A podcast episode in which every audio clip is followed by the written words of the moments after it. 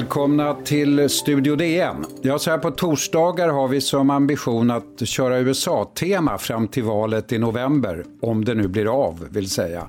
Idag ska vi fokusera på president Donald Trumps motståndare som inte direkt har gått någon spikrak väg den här valrörelsen heller. Joe Biden. Vem är han egentligen?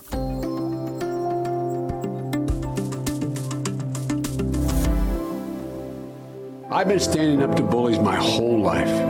I'm Joe Biden and I approve this message. Hej Sanna Thorén Björling. Hej. Du eh, har ju färsk erfarenhet som korre i USA och eh, jag tänkte nästan börja med frågan, kommer det här valet att bli av egentligen till att börja med?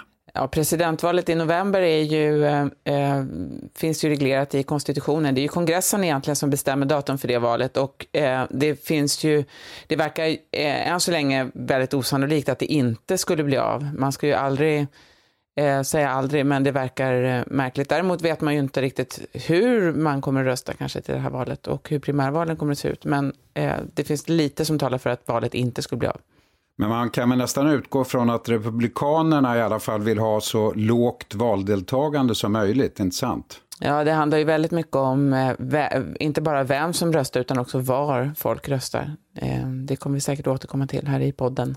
Just nu eh, är det april 2020 och mitt i coronakrisen med Donald Trump som fyller 74 om två månader och Joe Biden som blir 78 strax efter valet i november om det nu alltså blir av. En sak är i alla fall säker, Biden skulle bli den äldste presidenten i USAs historia. Hade du trott att det skulle bli inte bara en utan två vita farbröder från östkusten, Sanna? Alltså det känns ju lite grann som att de, det är ju inte kanske ett styrkebesked från Demokraterna som hade ett världens fält av kandidater från alla möjliga håll och eh, hudfärger och eh, både kvinnor och män. Eh, och sen slutade man med en vit eh, äldre man från östkusten. Eh, men eh, det har man ju gjort många gånger förr, så varför mm. inte?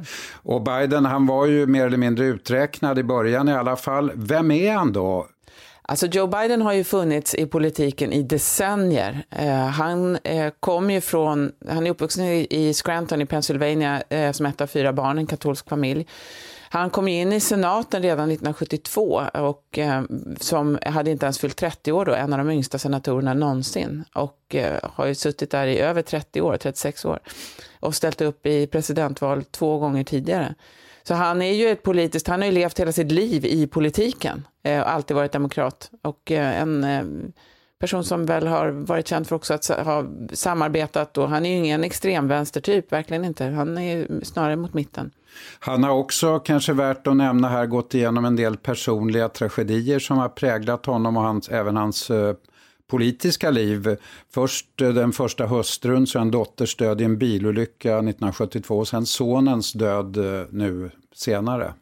De här tragedierna eh, har ju präglat både hans liv naturligtvis, men också tror jag, uppfattningen av honom. För att han är ju, som du, som du sa 1972, han var ju helt färsk när hustrun och det lilla barnet omkom. Ehm, så att alla har ju, det har varit väldigt offentliga ehm, sorgprocesser sorgeprocesser också. Ehm, han har ju också varit känd för att han hela tiden har pendlat till Delaware och åkt, den här, åkt tåg varje dag fram och tillbaka till Washington. Det tar en timme och 20 minuter nu.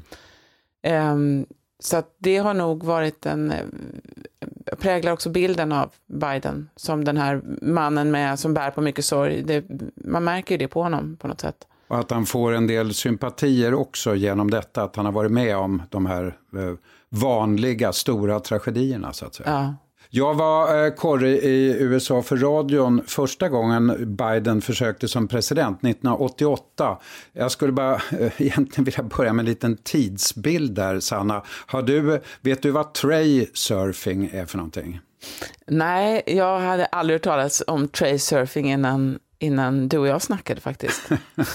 jag var tvungen att försnacka lite med dig om det, för det låter så skumt. Det låter som vilda västern. Det är bricksurfning på flygplan alltså. Eh, för jag åkte nämligen med eh, Dukakis som då blev presidentkandidat eh, det året, 88, i hans flygplan.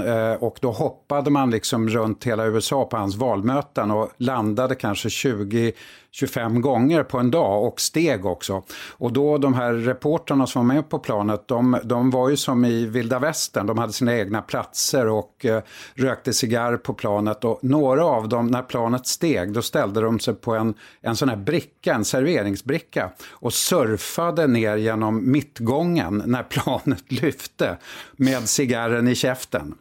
Ja, så var det på den tiden. 1988, så det känns som forntid. Han har varit med ett tag.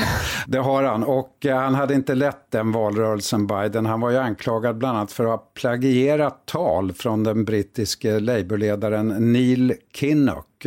Så här lät det när de båda är ihopklippta. And I started thinking as I was coming over here, why is it that Joe Biden is the first in his family ever to go to a university? Why am I the first Kinnick in a thousand generations to be able to get the university? Why is it that my wife, who's sitting out there in the audience, is the first in her family to ever go to college? Why is Glenys the first woman in her family in a thousand generations to be able to get to university? Ja, det var ganska uppenbart det där att han hade snott från Kinnock. De blev vänner så småningom, men han fick en del andra anklagelser också på den där tiden, Sanna. Ja, han eh, flög ut då eh, med huvudet före kan man säga. Eh, i samband med eh, det här talet och att han överdrev sina akademiska meriter och eh, annat. Eh, men han har ju kommit igen. Ja, han har kommit igen på något underligt sätt, men han har ju också anklagats för att han har saknat disciplin, både mentalt och eh, verbalt, att han är en hetsig typ.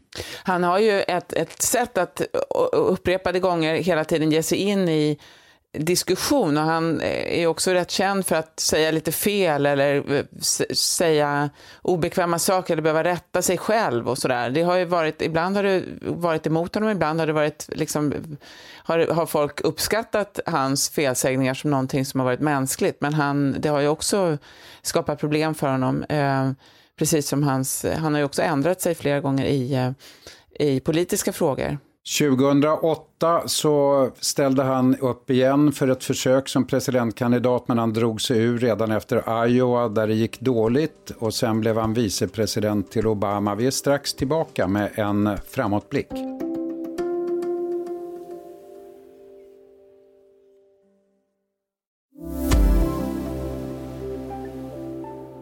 And that's why I'm so proud to endorse Joe Biden for President of the United States. Ja, häromdagen gick Barack Obama ut och gav sitt officiella stöd till Biden. Sanna, är det en fördel eller nackdel idag? Um, ja, det är ju knappast kanske oväntat att president, um, före presidenten Barack Obama stöder Demokraternas kandidat. Det tror jag att Obama hade gjort vem den hade blivit. Uh, han, Joe Biden är ju väldigt förknippad med Obama, på gott och ont ska man säga. Men i det här fallet så tror jag att, det, ja, frågan är om det gör till eller från, men eh, den här kopplingen med, till Obama eh, är ju en av förklaringarna till att Biden har så stort stöd hos Obamas tidigare väljare, inte minst den stora afroamerikanska gruppen. Eh, och det är ju en av förklaringarna tror jag till, till att han Eh, har, att det har gått så bra för honom att han har blivit Demokraternas kandidat eller kommer att utnämnas till Demokraternas kandidat. Det sker ju inte förrän på konventet formellt i sommar. Eh, och hur det konventet, partikonventet, Demokraternas partikonvent eh, kommer att eh, äga rum, det är väl fortfarande lite grann uppe i luften. Det skulle ha skett i juli, det har blivit uppskjutet. Det finns ju mm, eh, diskussion om, eh, om det kommer att bli ett liksom, digitalt virtuellt konvent eller inte. Men det är då mm. han blir nominerad. Och nu stöder också Bernie Sanders honom, men man kan väl ändå konstatera att jämfört med Sanders och Obama tidigare så har eh, ändå Joe Biden ett påfallande svagt stöd från unga väljare, eller hur? Absolut, så är det. Han har ju stöd från eh, många minoriteter, han har stöd från äldre väljare, religiösa väljare. Han behöver de unga och han behöver de som är på vänstersidan, alltså de mer progressiva. Biden är ju, har ju en, en lite grann ett samma bagage som Hillary Clinton här i, i, i den mån att han är, har varit i politiken i så många decennier. Det är ju inte nödvändigt att det är särskilt positivt. Alltså, det här etablissemangsföraktet finns ju på båda sidor eh, och det har ju varit en väldigt, eh, finns ju en spänning också inom det demokratiska partiet vem som ska, är mest valbar. Och Biden mm. kommer ju, precis som Hillary Clinton, per definition om man har varit med så många år så har man ju ett tungt bagage. Man kan visa att man har ändrat sig i flera stora politiska frågor som handlar om Irakkriget, som handlar om eh, eh brott och straff och kriminalpolitiken, som handlar om eh, vad man har sagt eller sagt, inte sagt till kvinnor det, kan ju lägga en, det kommer han ju få höra. Samtidigt så har han ju då också goda kontakter, han är trygg, alla vet att man kan lita på honom och, eh, och så vidare. Så det, det, det är på gott och ont det där. Men det blir kanske också, det brukar man ju säga att det, det är alltid ganska viktigt vem man väljer som running mate eller alltså vicepresidentkandidat då.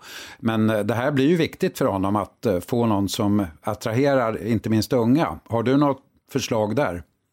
Alltså det finns ju, eh, man kan ju tänka sig en rad personer. Han har ju sagt att han ska välja en kvinna. Men han, han behöver ju, man kan ju prata om att han kanske skulle kunna ta en afroamerikansk kvinna. Men han behöver ju delstaterna i mellanvästern, så att det talar ju för att han kanske snarare tar någon som har stark förankring där.